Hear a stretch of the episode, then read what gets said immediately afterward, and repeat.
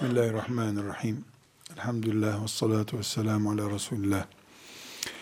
Kardeşler, İkra diye başlayan bir kitabımız var bizim. Mekke'den yüzlerce metre yüksek rakımı yukarıda olan bir dağın başında ilk defa peygamberlikle, kültürle, ilimle muhatap edilen peygamberimize ikra diye başlandı. Oku dendi. Okuma yazma bilmeyen peygambere okumayı emretti Allah. Bizim gibi marif davası yüksek olması gereken bir ulus bu dünyada yoktur herhalde. Olmamıştır, olmayacaktır da. Herkes belli bir yaştan sonra eğitim, sosyal kültür, yapı olarak okutmayı görebilir. Biz çok farklıyız. Biz ikra ümmetiyiz. Bu zaviyeden Müslümanların okumasını bugünle kıyas etmek istemiyorum. Çok kötü bir pozisyonda kalırız. Ama orta çağla kıyas etmek istiyorum. Avrupa'nın e, orta çağ dediği dönemde Müslümanlar evlerinden önce kütüphane yapıp öyle evlerde oturduğu zamanlar olmuş. Elhamdülillah. Bu dönemi de ümmetimizin orijinal örneği olan bir dönem olarak da görmek istemiyorum. Bu da geçici bir dönemdir inşallah. Yeniden okuma esaslı hayatımıza döneceğiz Allah'ın izniyle. Biraz önce üstadımız Peygamber aleyhisselam efendimizin çocukları nasıl yetiştirdiğinden ya da o konudaki talimatlarının neler olduğunu bilemediğimizden şikayette bulundu. Ben de dedim ki nesini hakkıyla bildik ki çocukları nasıl yetiştirdiğini hakkıyla bileceğiz. Ama içimizde bir sevda olarak bu yaşıyor elhamdülillah. Bizden önceki kuşaklar çok değil yani 80 sene önceki kuşak ezanın sesine hasretti. Kur'an'ın alfabesine hasretti. Şimdi elhamdülillah bu hasret gitti hiç olmasın. Nesillerin değişimi ve düzelmesi bir yıl, beş yıllık bir süreç içinde olmuyor. İki kuşak, üç kuşak gerekebiliyor. Allah'ın izniyle, Rabbimin rahmetine itimat ederek diyorum ki, bu salonlarda çok değil 30 sene sonra oturanlar, çok daha bu konulardan acil konular konuşacaklar. Bunları halletmiş olacaklar Allah'ın izniyle. Buna samimi bir şekilde inanıyorum. Neden biliyor musunuz? Çünkü bugün ben bu hafta içinde üç ayrı vilayete gittim. Pazartesi günü de yani iki gün sonra da bir vilayet gezim daha var. Anadolu denen yeri geziyorum.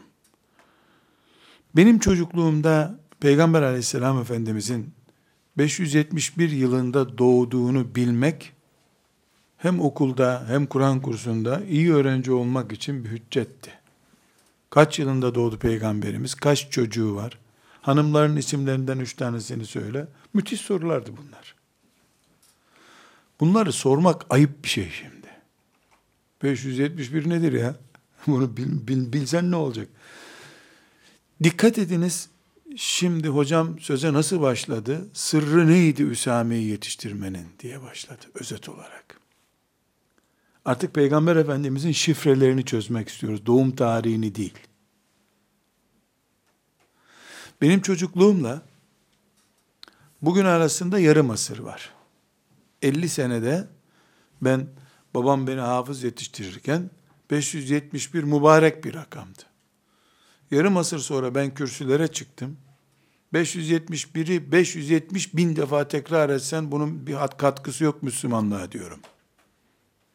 Biz Peygamber aleyhisselam efendimizin Mekke'de mi doğdu, Medine'de mi doğdu bunu bilerek artık bir işe yaramayız. Biz ümmetimizin peygamberinin niye doğduğunu, niye yaşadığını, niye biz ona bağlandığımızı bilmemiz lazım diyoruz. Şimdi onu haykırıyoruz. Bu da belki bir 50 sene zaman alacak. Bizden sonraki kuşaklar filan sünnet hala yerini bulmadı bu hayatta. Yediğimiz bize helal mı diyecekler. Ama biz şimdi dikkat ederseniz peygamberimizin kendisine yer bulmaya çalışıyoruz hala. Çok üzücü bir şey. Hala Müslümanlar arasında bile peygamberimiz niye birden çok hanımla evlendi bunu ispat etmeye çalışıyor. Ya tamam işte yapmayın bunu da hoş görelim ya. İşte o zaman şöyle bir adet vardı böyle var. Aslında evlenmeyecekti ama birden rastladı işte filan. Şey e, bunu kapatsak diyerek Allah'ın kitabıyla insanlığa ilan edilmiş büyük bir nikah merasimini ayıplı kabul ediyoruz peygamberimizin üzerinde. Yani bunu konuşmayı, gündem yapmayı uygun bulmuyoruz. Ya bununla uğraşmayalım. Ayşe ile kaç yaşında evlendi? Sıfır yaşında evlense ne olacak ya? İnsanlar ruhlarını vermişler ona. Canlarından siper yapmışlar önünde diyemiyoruz. Bir önceki dönemde varlığını kabul ettirmiyorlardı zaten. Adı anılmıyordu zaten. Şimdi geldiğimiz nokta elhamdülillah şu şifreleri bir çözelim. İnsan nasıl yetiştiriliyormuş eliyle dediğimiz noktadır. E müsaade edin şifre çözümü de 5-10 sene alsın. Elhamdülillah. Rabbime hamdolsun. Bundan 5-6 sene önce bu 4-4 başladığı sürede Milli Eğitim e, müdürlüklerinin de desteğiyle bir miktar şöyle bir siret yarışmaları falan başlatılmıştı okullarda. Bir ikisine beni de jüri olarak çağırdılar. Dedim ki yani bunu nasıl yapmayı düşünüyorsunuz? İşte bu birinci, ikinci, üçüncü, otuz sene sonra otuzuncu İstanbul ve Türkiye işte futbol turnuvası gibi siret turnuvası yaparız inşallah filan gibi bir müdür bey bana güzel bir övücü şeyler söyledi. Yani bak ne günlere geldik. Birinci büyük siret yarışması yapıyoruz. Bu 10 sene sonra 10. 20 sene sonra da Türkiye çapında ve dünya çapında olur filan gibi dedim. Allah'ın izniyle olmayacak dedim. Allah'ın izniyle olmayacak. Çok kötü bir şey çünkü dedim. Müdür bey hem İmam Hatip Lisesi müdür hem böyle hocam çok mecazi konuşuyorsunuz çok yanlış anlaşılıyor dikkat edin kalabalık burası filan. Yok dedim. Ben peygamberimin devletini kurmakla uğraşıyorum. Siz nesiller boyu siretini mi öğreteceksiniz? Nedir la siret? Hicret ederken devesiyle mi gitti, atıyla mı gitti? Neyle giderse gitsin la. Hicret ruhu lazım bana. İster yürüyerek gitsin, ister devesiyle gitsin. Siret öğreterek nesil yetiştirilmez ki. Ama buna deyin ki bana, bu bir basamak, bununla sıçrayacağız inşallah deyin. Bak o güzel. Ben çok mutluyum, devamı olmadı o işin. Tutmadı dikiş. Yoksa sireti öğrenmek diye bir ibadet çeşidi çıkacaktı, mevlüt gibi. Mevlüt de öyle kaldı. İba Kur'an'ın yerini aldı neredeyse maazallah. Bu zaviyeden bakarak söylüyorum şüphesiz. Yoksa haşa sirete canlarım kurban olsun. Bin canım olsa bini de kurban olsun ama yani kıyamete kadar siret okusak Allah kabul etsin diyecek halimiz yok birbirimize. Hala Kur'an devlet değil. Hala Kur'an'ın şeriat bölümü yok kabul ediliyor. Siret okudukça da, kutlu doğum yapıldıkça da evet ufak tefek menfaatler oluyor din adına ama büyük bir kayıp da oluyor. Enerjimiz bizim tarihe e, yatırıma geçiyor. Hep neye benziyor bu? Hani Sultan Fatih'in beyaz atıyla denize atını sürerken ki fotoğrafın önünde İstanbul'u Bizans'a yeniden teslim etmeye benziyor bu. Yani Fatih'in çocuklarısın ama Fatih'in adamı değilsin. Kazara soyundan gelmişsin Fatih'in o kadar. İstanbul'da yeniden fetih günlerini bekliyor hala. Hala İstanbul Ulubatlısını arıyor. Fatih gideli çok olmuş. Yani bir şuursuzluk bu. Bir gün Allah rahmet etsin Necmettin Erbakan'ın e, Arap mütefekkirlerle bir toplantısına mütercim olarak katılmıştım. Belki 20-25 senelik bir mesele bu. Orada birisi, o da öldü Allah rahmet eylesin. Dedi ki, sorar mısınız dedi, çok abartıyor dedi Erbakan bazı meseleleri. Mesela dedim, mesela dedi, İstanbul'u Bizans alır diyor gibi cümleler kullanıyor. Yani bu ne ya? Beş asırdır ezan okunuyor İstanbul'da. Beş asırdır ezan okunan bir şehir. Türkiye güçlü bir devlet. Yeniden Bizans olur mu ya? Bu, bu Müslümanların moralini kırıyor. bir siyasetçi olarak bu kadar e, olumsuz konuşmasın dedi. Ben tercüme ettim cümlem bitmeden, şimdi cevap vermek için bir şeyler düşünecek filan zannederiz ya, dedi ki Allah rahmet eylesin, söyleyin dedi, 810 senede Endülüs'te okunmuştu ama ezan yasak şimdi dedi. 810 sene. Yani bu bir bakış tarzı. Ezan demek ki çok okundu, az okundu diye oyalanırken gidebiliyor ezan. Nitekim çok kötü örnekler görüyoruz şu anda yani Allah muhafaza buyursun. Suriye'de de ne yanık makamlı ezanlar okunuyordu 10 sene önce. Bizim müezzinlerimiz de Suriye müezzinlerini taklit ediyordu. Ezanlar gitti, minareler çöktü. Olmaz denen şey oldu. Maazallah. Bu sebeple biz siretle filan meşgul oluyoruz. Sakıncası yok yani açılış kapılarından bir kapı o inşallah. O bakımdan bir sıkıntı yok. Ama ibadete dönüştürüldüğü zaman biz e, siretli dönüşümü kaybederiz diye bu çıkışı yaptım. İnşallah bu şekilde anlaşılmıştır. Yani Allah'ın izniyle hocamın e, açış yaptığı soruya cevap için bunu söylüyorum. Yani bugün e, ümmeti Muhammed olarak 50 sene öncesinden çok daha büyük olaylarla karşı karşıyayız ama çok daha iyi durumdayız da. Çok daha iyi durumdayız. Bu şifre çözümüne geçilmiştir artık. Bu neyi gösteriyor biliyor musunuz? Yani ümmeti Muhammed'in çocukları bile, İmam Hatip talebeleri bile Buhari'nin bu hadisiyle Müslim'in bu hadisi arasında niye böyle bir fark var diye araştırmaya başladılar. Yani piyasaya indi peygamberimizin sözleri aleyhissalatü vesselam. Elbette bu arada edebini kaybedenler de olacak. Uğrunda can vermeye çalışanlar da olacak. Yani bu piyasa kuruldu çünkü bir defa. Bunun e, özüyle kabuğu arasında bir sürtüşme olmasında hiçbir sakınca yok. Ben e, bu girişi yapmamıza vesile oldu Üstad. Allah razı olsun ama bütün samimiyetimle yani biraz önce kıldığımız namazdaki istiftah duasını okurkenki samimiyetimle Rabbime güvenerek 30 sene sonra bu topraklarda bizim çocuklarımız inşallah bu şifreleri çözdükle çözdük az kaldı. Çözdük az kaldı diye bizim mezarımıza güzel mesajlar gönderecekler. Bunu çok samimiyetle söylüyorum. Çok umut varım. Belki o gün dünya olayları çok daha vahim olacak. Belki deccal çıkmışsına yakın bir zaman olacak bu. Ama bu ümmet e, hayatla peygamberini buluşturacak tekrar sallallahu aleyhi ve sellem. Şu anda hayattan uzak bir peygambere iman ediyoruz biz. Bir türlü hayatımız peygamberle buluşmuyor aleyhissalatü vesselam. Ama bu süreç başlamıştır. İnsanoğlunun kaçacak bir yeri yoktur. Ona rahmet için gelmiş, alemlere rahmet için gelmiş peygamberiyle buluşacak. Dileriz ki Rabbimiz sizleri, bizi, e, hoca hanımları hepimizi vesile kılsın. Ya bu mutluluğu biz de görelim. Ama görmesek görmeyelim. Zararı yok. Çocuklarımız bunu yapacak. Bize sabah akşam ajanstan haberler getiren melekler de bunu mezarlığımızda bize söyleyecekler Allah'ın izniyle. Buna iman ediyorum. Böyle temennim falan değil bu. Hem beş asır ezan okunmuş olsa bile İstanbul'un gitmesinden de korkuyorum. Hiç ezan okunmamış yerlere bile Allahu Ekber denecek diye de iman ediyorum.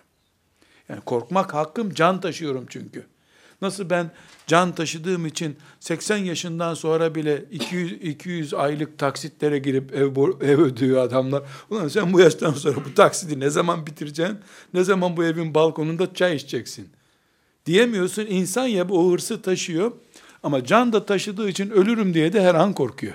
Hastaneye yakın bir yerden ev alıyor. Hayat böyle bir şey. İman da hayat imanı. Elhamdülillah mümin olarak yaşıyoruz. Rabbimize hamdolsun elhamdülillah. Burada kardeşlerim özellikle e, öğretmenler olarak ki ben öğretmen deyince İmam Hatip Lisesi'nde, lisede, ilk öğretimde herhangi bir yerde otur yavrum diyen adamı anlıyorum. Onun müdürünü, şube müdürünü, ilçedeki müdürünü anlıyorum. Daha bakanına kadar anlıyorum. Bunlara öğretmen diyorum. En orijinal öğretmenlerden biri de Resulullah sallallahu aleyhi ve sellem'i mihrapta temsil edenler. Aslında halk eğitim öğretmeni onlar. Onlar güçlü, onlar da öğretmenler. Yazarıyla, çizeriyle herkes de öğretmen olma yeteneğine sahip. Ve üçüncü büyük öğretmen kadrosu da anne babalardır. Sizler hayata öğretilmiş çocukları bulursanız okutabilirsiniz. Anneden yoksun doğmuş küvezden çıkarıp getirilmiş ve anne şefkati, anne sütü, anne duygusallığı görmemiş bir çocuğa nasıl matematik öğreteceksin? Onu ancak askeriyede tank paleti nasıl döner onu öğretebilirsiniz. Öldürmeyi öğretebilirsiniz ona, yaşatmayı öğretemezsiniz. Dolayısıyla en büyük öğretmenler anneler ve babalardır. Biz de anne baba inşallah olduğumuz için öğretmenliğimiz kariyer kazanmıştır. Daha üstün noktalara yükselmiştir muhakkak diye düşünüyorum. Ben bir ilmi kaynakta rastlamadım. Osmanlı'nın son döneminde, bu cümlemi birleştirmek için söylüyorum, eğitimle ilgili konular konuşulurken bir ara ciddi ciddi şöyle bir teklifte bulunulmuş. Küçük mekteplere, yani küçük çocukların okuduğu mekteplere evli ve çocuğu olmayanları muallim tayin etmeyelim diye teklifte bulunulmuş. Bunun bilimsel tarihi boyutunu bilmiyorum ama ben Osman Öztürk hocamdan Allah rahmet eylesin dinlemiştim. Daha İmam Hatip Lisesi'nde de talebeydim o zaman. 30 seneden fazla oluyor bunu dinledim. Yani bunu kim teklif ettiyse vallahi yabana atılmaması gereken bir şey. Çünkü ben çocuğum olduktan sonra değişik bir insan oldum. Yani baktım ki el alemin çocuğunu okutmak gibi bir şey değilmiş bu. Yani davulun sesi dışarıdan iyi geliyor da tokmağı kafana yiyince baya farklı oluyormuş diye anladım. El hak anneler ve babalar asıl öğretmen kadrosu bir neslin. Ee, öğretmenler zaten öğretmen.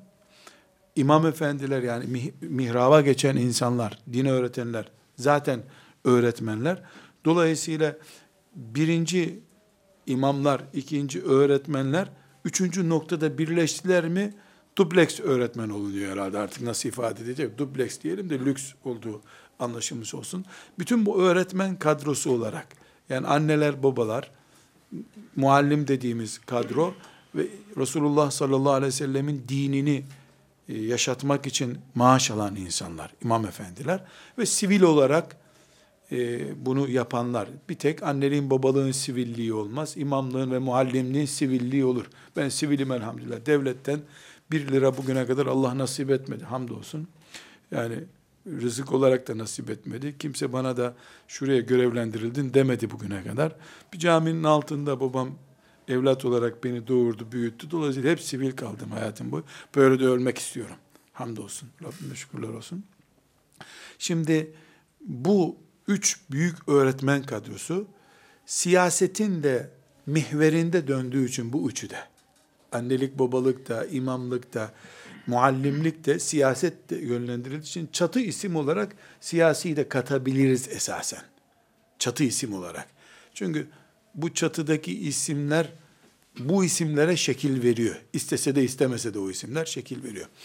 Bu bir ümmet olarak düşündüğümüzde kardeşler, bilhassa anneler, babalar ve muallimler, özellikle de muallimler, bunları bir puan öne çıkaralım, anne pozisyonundadırlar. Bugün öz annelik ve üvey annelik ayrımından dolayı muallimler sorun yaşıyorlar. Ben sene ortasında filanca kanuni gerekçeye dayanarak tayinimi filan ilçeden filan ilçeye alıyorum. İmam Hatip Lisesi'nden filanca yere alıyorum. Buradaki benden ders alan 200 tane çocuğun yıl ortasında ortada kalacak ilim öğren. Yeni öğretmen gelecek, bir daha başlayacak, başlamayacak, vekil öğretmen bulacaklar. Bunu dert ediyorum, etmiyorum. Şuna benzetiyorum bu sahneyi. Davut Aleyhisselam'a iki kadın mahkeme olmak için gelmişler. Biri bir çocuk var ortada. Bu çocuk benim öz çocuğum diyor. Öbür kadın da benim çocuğum diyor. Peygamber olarak gelmiş, önüne gelmişler. Şimdi o zaman da test yapıp DNA testiyle kimin kimin çocuğu olduğunu bulmak da mümkün değil. Ee, Davut Aleyhisselam şöyle bir hal çaresi bulmuş. Ya demiş madem ikiniz de bu annesiyiz diyorsunuz, bu çocuğu ortadan bölüp vereyim size demiş. Madem zaten ölecek, ölecek bu çocuk, bari ortadan böleyim vereyim size demiş. Öz anne demiş ki, yok yok çocuğa dokunma ver ona demiş. Yeter ki çocuğa dokunma demiş. Al bu çocuk senin demiş o zaman. Bir tek örnek üzerinden yola çıkıyorum. Çocukların yani öğrencilerinin yıl ortasında öğretmensiz ve sefil kalmalarından hiç etkilenmeyen, merhameti depreşmeyen öğretmen bu öz anne midir, öbür anne midir bunu merak ediyorum. Çocukların sadece yasaların sınırlandırdığı vaktinde derse gelmek, e, defterleri düzgün tutturmak, işte müfettişin göreceği ve peki diyeceği şeyleri yerine getirmekle yetinen ve çocuk öğrenemediği için o akşam uyuyamayan, sabah yarım saat önce gelip ona ilave ders vermeye çalışan öğretmenle yasal görevim bu kadar diyen öğretmen Davut Aleyhisselam'ın önündeki bu kadınlardan hangisine benziyor merak ediyorum. Yasalar nezdinde çok rahat olduğunu düşünen ama Allah'ın kullarına hizmet ettiği için asıl ücretini Allah'tan alacağını düşünmeyen ve devlet maaş vermese de benim gelecek kuşakların duası ile alacağım sevap bana yeter düşünebileni bu Davut Aleyhisselam'ın önündeki iki kadından birine benzetmek istiyorum. Öbürünü de öbürüne benzetmek istiyorum. Burada kardeşlerim şahsa hitap etmediğim için çok rahat konuşuyorum. Ee, yoksa öğretmeni itham etmek o kadar da kolay değil. Biz de öğretmen gördük yani elhamdülillah ama şahsa hitap etmiyorum, genele hitap ediyorum. Gelecek nesillerin Allah'ın izniyle insanlıkta gelecekleri nokta, Müslümanlıkta gelecekleri nokta, bugünkü öğretmenlerden başkasının olmayacak. Üstadımız Allah mağfiret buyursun Nurattin Topçu'dan alıntı yaptı ya marif davamız diye. Esasen hakikaten marif davamız. Ama Nurattin Topçu rahmetullahi aleyhten farklı belki de ona ilave olarak şunu söylememiz gerekiyor. E, marifi ben sadece Milli Eğitim Ordusu'na hasretmiyorum. İmamlar da marif ordusunda, anneler babalar da marif. Bunların hangisi birbirini yetiştiriyor? Maalesef ayrım yapmak mümkün değil. Yani öğretmenler mi imamları yetiştiriyor, imamlar mı öğretmenleri yetiştiriyor? Anneler babalar mı muallimleri yetiştiriyor, muallimler mi anne baba yetiştiriyor? Çok zor bunu ayırt etmek. Yani üçü birbirini yetiştiriyor, siyasetçileri de yetiştiriyor, siyasetçiler de bunları dizayn ediyor.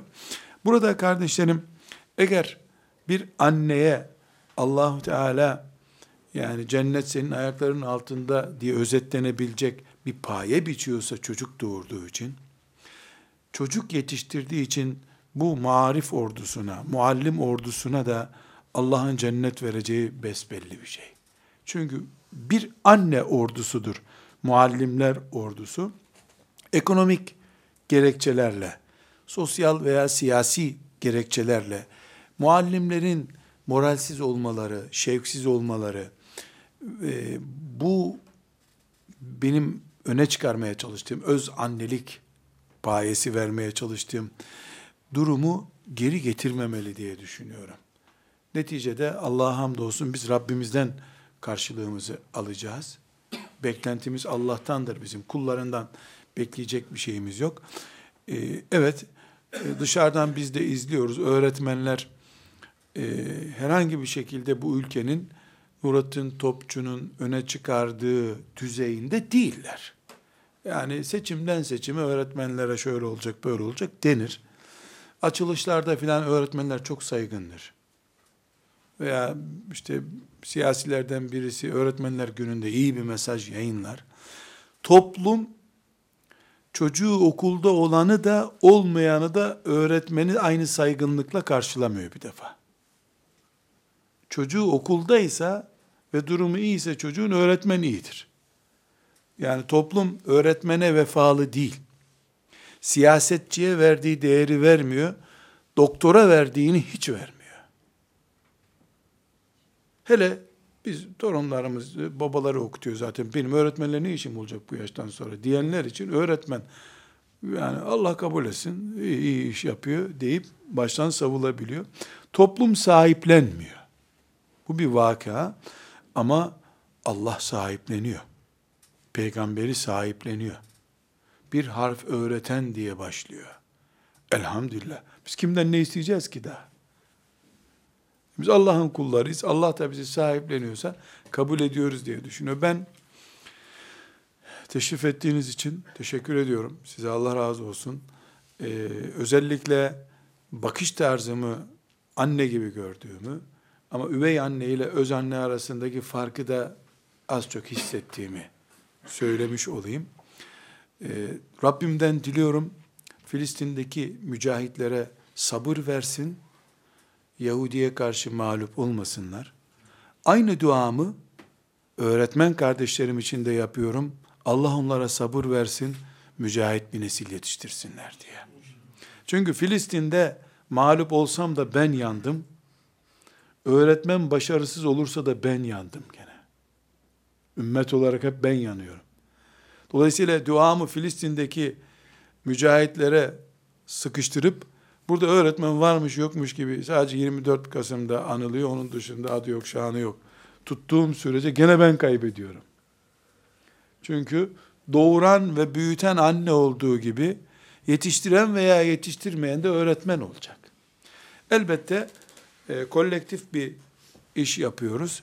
İşte birimiz matematik öğretiyor, öbürümüz Kur'an öğretiyor ama her halükarda bir nesil yetiştiriyoruz. Anne de tek başına doğurmuyor zaten. Babayla ortak doğuruyorlar. Yani birinin kaleminden çıkıyor o kadar ama bu kompozisyon e, çok daha kalabalık, kolektif bir kompozisyon. E, ben öğretmen yerine geleceğimiz veya yokluğumuz demek istiyorum. Umarım anlatabilmişimdir derdimi. Allah sizlere sabırlar versin, sebat versin, işinizi kolay etsin.